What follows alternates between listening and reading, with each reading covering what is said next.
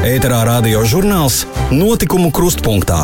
Ieklausīsimies ekspertu viedokļos par sabiedrībā būtiskiem jautājumiem, analizēsim mediju saturu, veicināsim kritisko domāšanu un spējas reaģēt uz safabricēto un manipulatīvo informāciju. Studijā Tenis Bikovskis.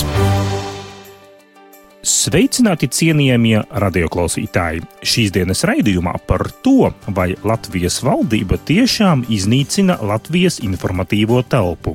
Ar šādu uzsaukumu pie sabiedrības un politiķiem vērsusies Latvijas raidorganizāciju asociācija. Tāpat raidījumā arī pie mikrofona aicināsim mediju ekspertu, biznesa augstskolas turība profesoru komunikācijas teorijā Aināru Dimantu. Diskutēsim par mediju saturu latgalē, nepietiekamo mediju kritiku un Latvijas televīzijas un radio nākotni. Bet kā vienmēr sāksim ar jaunāko attīstību pie mums un mūsu kaimiņu valstīs. Pie mikrofona mana kolēģe Laura Sondore Strode. Startautisko notikumu apskats - aktuālā attīstība mūsu kaimiņu valstīs. 8. oktobrī notikušajā Latvijas rādio darbinieku pārstāvju sapulcē nolemts uzdot Latvijas rādio valdē turpināt prasīt finansējumu darbinieku algu palielināšanai un slodžu izlīdzināšanai. Ja nākamā gada budžeta projektā netiks iekļauts prasītais finansējums algu palielināšanai, tiks noteikts datums streika procedūras uzsākšanai. Pašlaik pieejamā informācija liecina, ka valsts budžeta ietveros iziešanai no reklāmas tirgus Latvijas rādio plānots piešķirt nepilnu summu 1,37 miljonus eiro. Viļņas Politiskās analīzes institūta vecākais analītiķis Marijus Laurināvičus konferences laikā Viļņā paziņoja, ka Krievijas represīvās struktūras sākot ar federālo drošības dienestu un beidzot ar policiju un vēstniecības darbiniekiem visā pasaulē, sadarbojas ar Krievijas organizēto noziedznību un korumpētiem oligarhiem, bet pati Krievija pārvērtusies par valsti, kuru pārvalda mafija. Šādus Lietuvas eksperta secinājumus nopublicējis portāls Delfi.lt. Pēc Šveices pretuzlūkošanas dienesta datiem Krievijas ārējās izlūkošanas dienests Latvijā savā darbībā izmanto kriminālās schēmas ar narkomafiju. Delfi lasītājiem atgādina, ka 2018. gadā Krievija nokļuva bezprecedentā narkotiku skandālā, kad Krievijas vēstniecības skolā Argentīnā tika atrasti gandrīz 400 kg narkotiku. Krievijas ziņu portāls Finans.ru informē, ka Kazahstānas galvaspilsētā Nursaltanā nesot iespējams atvērt Krievijas valdības oficiālā laikraksta Rasīskajā gazeta saitu. Kā norāda portāls Finans.ru, līdz šim Kazahstānas valdība šo situāciju nekādi nekomentē. Savukārt ziņu portāls Rosbalt informē, ka Krievijas valsts domas dienas kārtībā esot likumprojekts, kas ļaušot diennakts laikā bloķēt interneta e-pasta lietotājus, kuri izplatīs pastāvošiem režīmam nevēlamu informāciju. Paralēli arī tiekot izstrādāts likumprojekts, kas turpmāk ļaušot administratīvi sodīt alternatīvu interneta messengeru servisu organizatorus. Kā liecina fakti, Krievijā vārda brīvība tiek apspiesta ne tikai masa informācijas līdzekļos un interneta vidē, bet arī Krievijas augstskolās un zinātniskajās iestādēs. Kā informē Krievijas ziņu portāls newsru.com, Kaziņas Federālās universitātes rektors ieviesis jaunu augstskolas iekšējo reglamentu, kurš faktiski ierobežo universitātes darbinieku un mācību spēku kontaktus ar ārvalstu kolēģiem. Kā norāda ziņu portāls, jaunais iekšējās kārtības reglaments nosaka, ka visiem augstskolas darbiniekiem septiņas dienas pirms paredzētās tikšanās ar ārvalstu kolēģiem ir jāsniedz informācija par tikšanos universitātes ārējo sakaru departamentā. Visas paredzētās tikšanās ar ārvalstu kolēģiem tiks atļautas tikai pēc augstskolas rektora akcepta, bet pēc tam nosūtītas uz izglītības ministriju Maskavā. Kā norāda ziņu portāls, šīs nesot Kazaņas Federālās Universitātes iniciatīvas, bet gan Krievijas izglītības ministrijas jaunākās komunikāciju nostādnes. Lietuvas apelācijas tiesa otrdien, 8. oktobrī, mīkstinājusi sodu, ko zemākas instances tiesa piespriedusi divām bijušajām militāru personām, kuras atzītas par vainīgām spiegošanā Krievijas labā. Vēsta ziņu portāls ban.lv. Apelācijas tiesas tiesnesis skaidrojas, ka sodi samazināti, jo tiesa atcēlusi daļu šauļu apgabaltiesas spriedumu, kur secināts, ka notiesātie darbojušies vienotā grupā. Kā informēja portāls ban.lv, Lietuvas sēmu uzrunājis Tibetas trimdas parlamenta deputāts Thuptens Vangčens. Viņš paudis aicinājumu Lietuvas likumdevējiem darboties kā vidutājiem tibetiešu centienos uzsākt dialogu ar Ķīnu. Vang Čens skaidrojas, ka komunistiskās Ķīnas Tautas Republikas izveides 70. gada diena, kas ar vērienu svinēta 1. oktobrī, tibetiešiem nozīmē vairāk nekā 60 gadus ilgus cilvēktiesību pārkāpumus. Šobrīd no Ķīnas represijām cieši ne tikai Tibeta, bet arī Hongkonga un Taivāna. Tā viļņā sacīja Tibetas trimdes parlamenta deputāts. Pieaugot interesē par Igauniju kā filmēšanas vietu, Tartu tuvāko gadu laikā varētu uzcelt kinostudiju, vēst Igaunijas sabiedriskais mēdījis R. Ja viss noritēs kā iecerēts, Tartu filmu studija būs gatava 2024. gadā.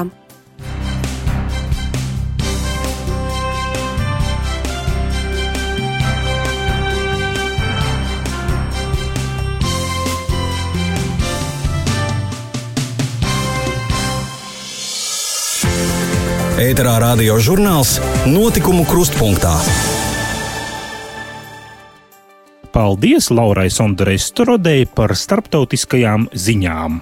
Latvijas valdība iznīcina Latvijas informatīvo telpu. Ar šādu uzsaukumu aizvadītajā nedēļā pie sabiedrības un politiķiem vērsās Latvijas raidorganizāciju asociācija, kas pārstāv mūsu valsts komerciālās radio un televīzijas stacijas. Asociācija atsaucas uz Saimas 26. septembrī apstiprināto nacionālās drošības koncepciju, kurā kā viens no būtiskākajiem apdraudējumiem tiek minēta Krievijas īstenotā informatīvā politika. Citēju: Krievijas informatīvai politikai ir ilgtermiņa mērķi, un tā ir orientēta uz Latvijas sabiedriskās domas maiņu atbilstoši Krievijas ārpolitikas prioritātēm. Krievija cenšas mazināt Latvijas sabiedrības vienotību un veicināt iedzīvotāju atsvešinātību no valsts. Kā norāda asociācija, koncepcijā ir fiksētas vairākas ļoti svarīgas lietas, uz kurām daudzkārt un atklāti ir norādījuši mediju un drošības eksperti, kā arī Latvijas valsts prezidents Egils Levits. Citēju: Būtiskas Latvijas informatīvās telpas ievainojamības ir saistītas ar nacionālo mediju tirgus struktūrālajiem izaicinājumiem. Latvijas mediju telpa ilgstoši un sistemātiski cieš no zema finansējuma. Salīdzinoši mazais tirgus un nepietiekami ienākumi no reklāmas ierobežo mediju spējas ražot augstas kvalitātes saturu. Svarīgs rīcības virziens ir radīt un piedāvāt konkurētspējīgu saturu, investējot gan sabiedrisko, gan komerciālo mediju attīstībā. Jā, 2020. gada Latvijas valsts budžetā ir paredzēts krietni palielināt sabiedrisko mediju finansējumu, bet arī šeit ir jautājums, cik no šī finansējuma aizies satura veidošanai un cik citām vajadzībām. Turklāt sabiedriskie mediji veido tikai nelielu daļu no Latvijas informatīvās telpas. Neskatoties uz to, ka 2020. gada Latvijas valsts budžets ne tikai neparedz nekādu papildu finansējumu sabiedriski nozīmīga satura veidošanai komerciālajos medijos, bet vēl samazina tiem iepriekš atvēlētos līdzekļus, iepriekš minētā satura veidošanai par 1,1 miljonu eiro. Savukārt Krievija savos propagandas un dezinformācijas medijos 2020. gadā investēs par 30% jeb 300 miljoniem eiro vairāk naudas līdzekļu nekā šogad, un tas jau kopā veidos 1,3 miljardus eiro. Filips Lastovskis no portāla Delfi analizējis Krievijas valsts budžetā nākamgad ieplānoto finansējuma pieaugumu valsts kontrolētajiem medijiem. Mēroga salīdzinājumam Latvijas aizsardzības ministrijas budžets šogad ir apmēram uz pusi mazāks, sasniedzot 636,65 miljonus eiro. Lielākais ieguvējs no finansējuma palielinājuma būs Rusija Today, kas saņems aptuveni 325 miljonus eiro. Ar desmitiem miljonu eiro lieliem zaudējumiem strādājošais Pervī kanāls saņems 92 miljonus eiro lielu atbalstu. Krievijas aizsardzības ministrijai piedarošais Zvezda 29 miljonus eiro. Viskrievijas radio un TV Rasija 1 tiks stiprināta ar 339 miljoniem eiro. Latvijas raidorganizāciju asociācijas biedri pieprasa reālu, atbildīgu un tūlītēju rīcību no valsts atbildīgajām amatpersonām, lai nodrošinātu Latvijas informatīvās telpas, sabiedrības un demokrātisko vērtību aizsardzību.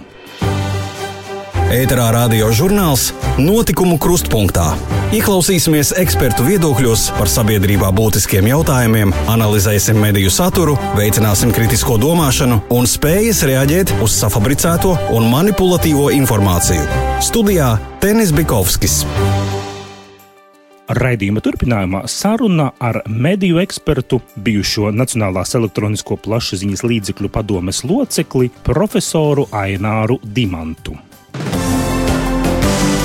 Aktuālā intervija. Dimanta kungs, kad jūs bijāt Nepilpē loceklis, tika izveidota Latvijas radio Latgales studija. Ar to ir nodrošināta plašāka latgales iekļaušana Latvijas informatīvajā telpā, taču plāns, kur atbalstīja arī Latvijas televīzija, proti televīzijas studijas izveide, netika realizēta. Jūsuprāt, kāpēc tā? Jo tagad, piemēram, skatoties LTV septiņu saturu Krievijas valodā, redzam, ka Latvija, kur dzīvo šo mediju produktu patērētāji, faktiski nu, nav gandrīz pārstāvēta.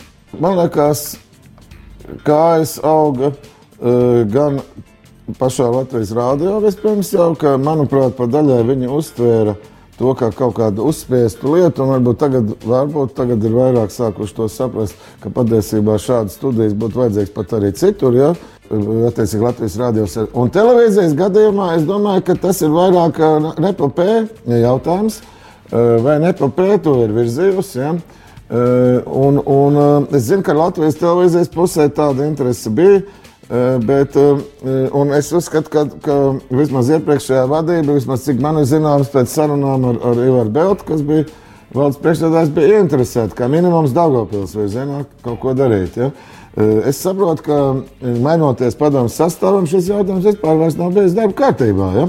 Līdz ar to es teiktu, ka tas ir jautājums būtībā par to, par ko primāri tomēr atbild nepaplēra. Tas ir stāsts par to, ka stratēģiju izstrādā abiem uh, sabiedrisko mēdīju uzņēmumiem tomēr padomi. Ja? Un tur tas būtu jāliek iekšā. Arī šī savstarpējā sadarbība, tur kaut vai tajā reizeknē, ja? kur jau ir Latvijas radio studija vai arī jaunas televīzijas studijas veidošana. Uh, uh, lai būtu Latvijas televīzijas klātbūtne Daugopilī, ja? tam jābūt nepilnē uzstādījumam, manuprāt, arī. Ja? Uh, Un, un tas, manuprāt, nav bijis. Ja tā, tas ir liekas, tas galvenais cēlonis, ko es redzu. Varat paprasīt pašreizējiem sastāvam, bet es neesmu panījis, ka eh, tās personas, kas padomē atbild par Latvijas televīziju, tieši tās būtu kaut ko tādu virzījušas. Un cik man zināms, tad tā ir Aurēlija Druvieta, Mēs, raidījuma notikumu krustpunktā veidotāji, mēģinājām arī sazināties ar nepulpē locekli Aurēliju Ievu Druvieti, kura ir atbildīga par Latvijas televīziju, lai uzzinātu, kāds ir viņas viedoklis. Taču viņa uz telefona zvanu un aizsūtīto īziņu tā arī neatbildēja. Uh, Dimanta kungs, viens no lielākajiem latviešu sabiedrisko organizāciju pārmetumiem aizgājušos gados bija tas, ka valsts nepilda valsts valodas likumā teikto, ka tā gādā par latviešu valodas saglabāšanu un attīstību. Saima izskata jauno sabiedrisko mediju likumu, un latviešu sabiedriskās organizācijas ir iesniegušas labojumus, kas paredz noteikt konkrētu kvotu. Šobrīd runa iet par 10% no satura Latvijas televīzija un Latvijas radio latgaliski. Saimas mediju apakškomisija, cik man zināms, to ir noraidījusi. Bet vai jūsuprāt nebūtu labāk, ja patiešām būtu noteikts likumā, cik no raidlaika jābūt latgaliski, tad varbūt šis jautājums beidzot būtu noņemts no dienas kārtības? Mans redzējums ir tāds, principā atbalstošs, bet precizēšu, ka, manuprāt, ir vairāk jāattīsta tā reģionāla apraide sabiedriskajiem mēdījiem. Un tad mēs varam šo arī pilnīgi normāli īstenot. Ja? Protams, ka ir jābūt arī nacionālā apraidē kādiem raidījumiem latgaliski. Ja? Bet primāri tomēr vajadzētu būt latgaliski šiem raidījumiem tajā reģionālā apraidē. Ja? Un šī reģionāla apraide, tas ir, ko es minēju, ka netiek izmantotas līdz galam tās iespējas, kas jau ir Latvijas studijā e, Reizeknē, Latvijas radio. Ja paplašinātu reģionālu apraidi, tad tai tad varētu būt e, galvenokārt vajadzētu notikt e, latgaliski, es domāju. Un tad arī šāds procents tiešām būtu reāls, es domāju ja tieši vairāk tā ir Latvijas reģionāla apraidē, un tur tam arī būtu lielākā jēga. Ja? Jo jāsaprot, ir tas, ka um, e, ne jau tikai ir jārunā latviešu, bet ir arī pēc iespējas jāsaprot latviešu. Un ka cilvēkiem, kas e, paši runā latviešu, ir vieglāk arī tos radījumus klausīties un uztvert, un tie arī viņiem tiešām ir uh, mērķēti. Ja? Un tā tad, ja gribi tiešām lai tas, lai tas būtu tiešām nevis formāli, bet pēc idejas tiešām komunikatīvi, ka tā komunikācija notiktu latgaliski, arī iekļaujot auditoriju, tad loģiski, ka tam ir vairāk jābūt mērķētam uz Latvijas teritoriju. Un tad to varētu tā risināt, ka ir sabiedrisko mēdīju reģionāla apraide lielāka. Un tad tur arī būtu uh, liels šis latviešu valodas īpatsvars. Un tad tiešām, man liekas, 10% ir pilnīgi reāli. Laikā, kad vairāk nekā miljons eiro gadā tiek sadalīts mediju fonda konkursos, aktuāls ir jautājums par satura izvērtēšanu. LV portāls LV ir publicēts Civetas Buļķes raksts, kur viņa visai skarbi konstatē ka, diemžēl, Latvijā šobrīd mediju kritika praktiski neeksistē, un arī šis apstākļis ir novedis mūsu mediju krīzē. Bez kritikas nav iespējams nodrošināt mediju kvalitāti.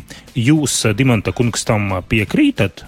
Pilnīgi es piekrītu, un es domāju, ka vajadzētu eh, spēcināt to sadaļu eh, mēdīju, eh, mēdīju atbalsta fonda projektu konkursos, kur it kā ir bijis uh, Bet es domāju, ka varbūt pārāk vispārēji tas viss ir formulēts, tie noteikumi. Bet mērķtiecīgāk tiešām to valsts atbalstu vērst arī tieši uz mēdīju kritiku. Ja? Izsludinot attiecīgi precīzāk tos noteikumus arī. Lai tiešām pieteiktos, jo man ir bijusi saskara, nu, Latvijā tas lokus nav nemaz tik liels, kas var tur pretendēt ka, diemžēl, eh, eh, kaut vai, piemēram, nav ko slēpt, es minēšu konkrēti gadījumu. Eh, tā tad ir mums būtībā viens no retajiem tādiem mēdījiem, kas ar mēdīju kritiku nodarbojas. Tā ir Eiropas žurnālistikas observatorija latviešu valodā un arī krievu valodā. Šeit mums darbojas vairāk gan ar mēķa auditoriju Krievijā. Ja? Nevis uz, uz Latvijas mēģinājumu auditoriju. Tas Krievijas portāls. Un mēs arī iesniedzām projektu, un taisnība tas bija mēdīņu kritikas projekts. Mums patiesībā nav kur citur iesniegt. Latvijā. Tad ir tikai ārzemē tā sauktie donori. Ja nav nekādas citas iespējas, kur mēs vispār varam pieteikties. Ja? Un mums noraidīja. Es to savu citu līdz galam nesaprotu. Jo patiesībā šajā uh, laukā mēs esam vienīgie, kas vispār darbojas. Un kas ir specializēts uh, mēdījis, kas ir vērsts tieši uz mēdīju praktiķiem, kā mērķa auditorija Eh, uz eh, mēdīju studentiem, uz mēdīju pētniekiem, uz uh, mācību spēkiem, kas nodarbojas ar žurnālistu un, un, un komunikātoru izglītību. Ja? Tas nesaņem nekādu atbalstu, tur kādu neprasījām, tur nekādas milzīgas summas. Ja? Nu, tad, acīm redzot, nu, tas būtu viens ceļš ejams, ka tomēr mērķtiecīgāk arī atbalstīt tās iniciatīvas, kas nekādā gadījumā nevar būt pelnošas. Ja? Ar, ar mediju kritiku tu nenopelnīsi. Kas mums pašlaik ir? Pašlaik vispār ir uz rokas pirkstiem. Pilnīgi pareizi. Es to stāstu arī studentiem. Specializēts ir šis vienīgais mums tāds portāls jā, par žurnālistiku, saucās .lv. Ja?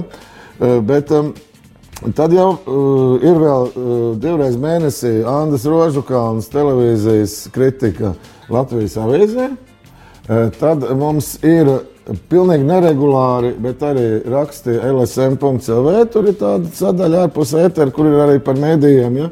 Eh, tad uh, mums ir viss cerība tāda lielākoties sabiedriskajiem mēdījiem. Tur ir Latvijas rādio vēl tas mēdīju, kā viņš saucās, anatomija, nemaldos tāds redzējums, kas arī laikam vienreiz mēnesī krustpunktu laikā. Ja? Nu, un tad vēl ir sadaļa LV portālā mēdīju pratībai. Tas ir viss, kas mums reāli kaut kas tur par profesionālo ir. Un, un šeit mēdīja kritika, un tas raksts jau arī no tā LV portāla, ko jūs minat.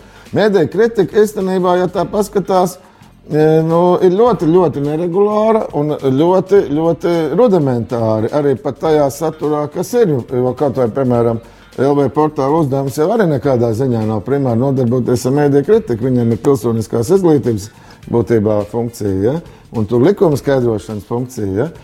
Jūs bijāt viens no galvenajiem jauna sabiedriskā medija koncepcijas virzītājiem, kas paredzēja Latvijas radio un LTV saplūšanu. Vai tas būtu novērsis to krīzi, kas tagad izveidojusies, jo nauda ir tik, cik tā ir, un uh, ko īsti nozīmē pašreizējo nepilpē locekļu izteikumi, ka vajag virzīties tomēr uz apvienoto mediju? Es domāju, ka, ja būtu pieņemts tas projekts, tad nebūtu šāda krīze. Tad tagad jau būtu mums arī augsts izšķirtspējas, vismaz viens LTV viens kanāls, jo tas bija paredzēts jau 18. gadā šajā projektā. Tikai jāsaprot, ka šim projektam bija divas daļas, un viena no tām bija arī finanšu daļa. Un bija ierosinājums arī vai nu ieviest speciālu nodevu, vai arī kas ir pat realistiskāk, es domāju, un ir jau precedents kultūra kapitāla fonda finansējuma gadījumā. Ieviest, ie, iezīmētu nodokli jau pastāvošā, esošā nodoklī procentu, kas automātiski aiziet sabiedriskajiem mēdiem. Tas būtu, man liekas, realistiskākais risinājums Latvijas gadījumā. Tas ir izdarīts jau arī Lietuvā, kopš 15. gada 1. janvāra.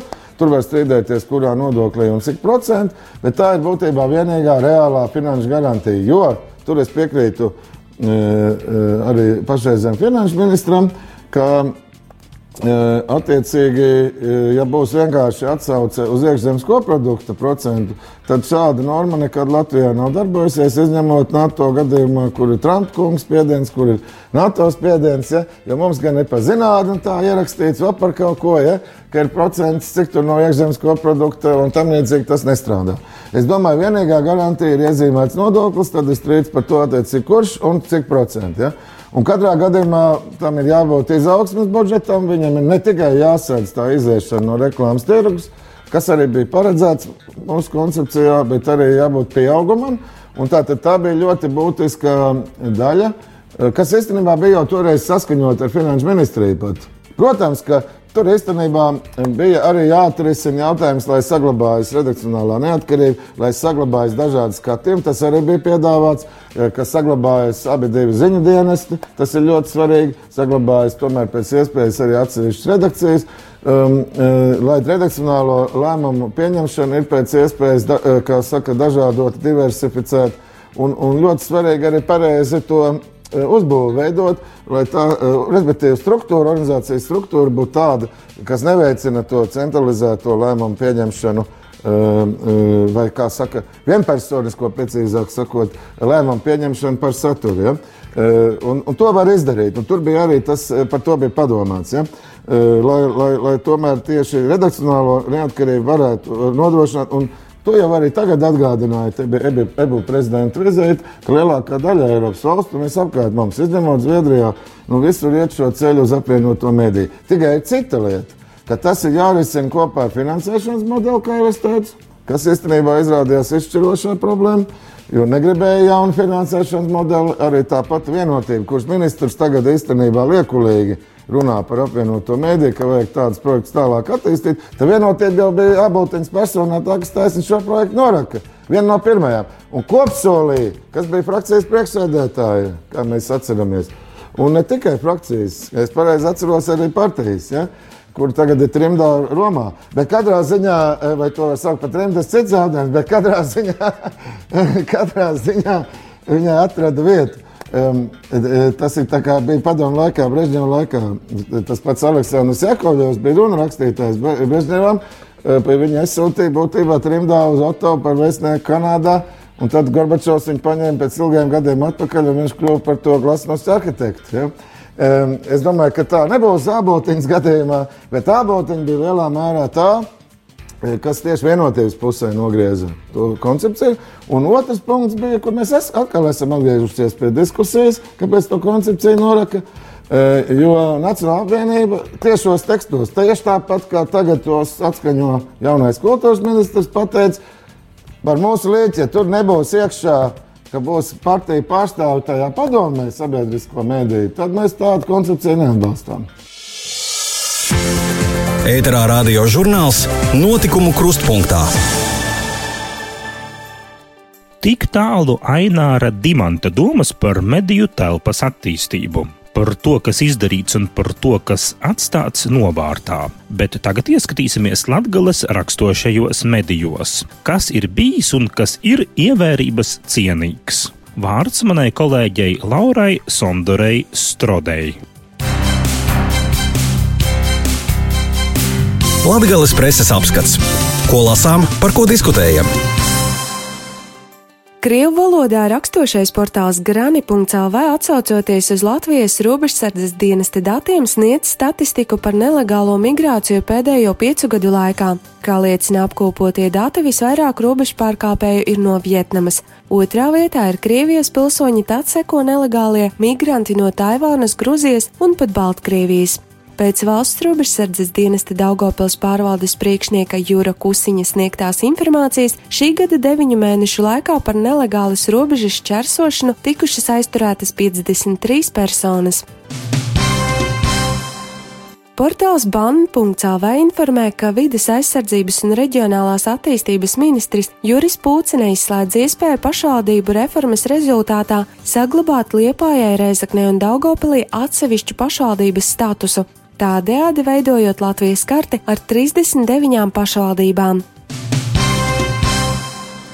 Ziņu portāls Rezeknes ziņas.cl informē, ka no 2020. gada 1. janvāra Latvijā tiks paaugstinātas autodegvielas akcijas. Benzīna cenas par vienu tonu pieaugs par 33 eiro, bet dīzeļdegviela par 42 eiro par tonu. Kā paskaidro ziņu portāls, degvielas akcijas tiekot paaugstinātas, lai ierobežotu ogļu ūdeņražu izmantošanu un samazinātu CO2 nokļūšanu atmosfērā. Ziņu portāls de facto informē, ka 9. oktobrī valsts policija sadarbībā ar valsts ieņēmumu dienesta amatpersonām Reizeknas novada Verēmu pagastām kādā nekustamā īpašumā likvidējusi nelikumīgu degvielas uzpildes vietu un konfiscējusi lielu daudzumu naftas produktu bez to likumīgu izcelsmi apliecinošiem dokumentiem. Saimniecības ēkā tika konstatētas arī citas nelikumīgas akcijas preces - 30 tūkstoši cigarešu bez Latvijas Republikas akcijas markām, kā arī 10 litri dažādu alkoholisko dzērienu ar Krievijas akcijas markām. Savukārt laikraksts Celātgalis laiks informē, ka saimas deputāti ar grozījumiem likumā par zemes privatizāciju lauku apvidos notiekuši administratīvo sodu tiem lauksaimniekiem, kuri lauksaimniecības zemi, kas iegūta pēc 2014. gada 1. novembra, neizmanto lauksaimniecībā. Grozījumi būs spēkā pēc to publicēšanas izdevumā Latvijas vēstnesis. Ziņu portāls Jēkabils laiks publikācijā veltītai demogrāfijas problēmām iepazīstina ar statistiku, kas liecina, ka pēdējo desmit gadu laikā jauniešu skaits Latvijā sarucis gandrīz divas reizes. Ja 2009. gadā jaunieši bija 11% no visiem iedzīvotājiem, tad šogad tikai 6,4%. Kā liecina statistikas dati, šobrīd dzimst vidēji 48 bērni uz 1000 jaunietēm, kas ir trīs reizes mazāk nekā 80. gados. Zīmīgi, ka 63,5% bērnu dzimst ārpus laulībām. Ēterā radio žurnāls Notikumu krustpunktā.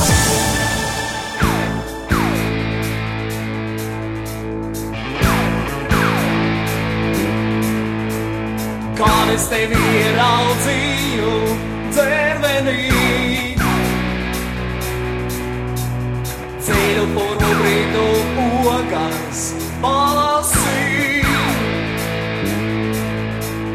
Gulēji tu savā sunu gultiņā. Lielām dzīdrām mežā meičas atstiņā. Anstiņā.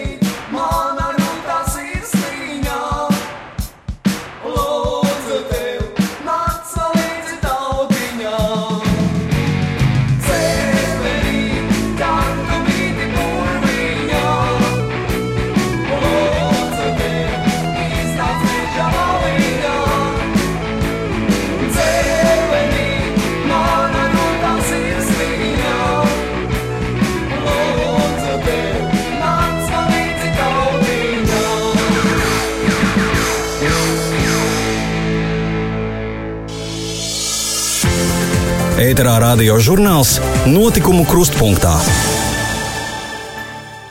Vēl tik jāpiebilst, ka aktuālās medīpratības un medīpolitikas tēmas, viedokļu raksti un skaidrojumi atrodami LV portāls LV sadaļā Tavai medīpratībai. Savukārt ar raidījuma notikumu krustpunktā redakciju varat kontaktēt rakstot uz e-pastu info atdkradio.lv. Visu labu mūsu klausītājiem abos Daugavas krastos novēlu es, Denis Bikovskis, uz sadzirdēšanos jau nākošnedēļ. Radio žurnāls notikumu krustpunktā ir sagatavots ar valsts reģionālās attīstības aģentūras finansiālu atbalstu no Latvijas valsts budžeta līdzekļiem.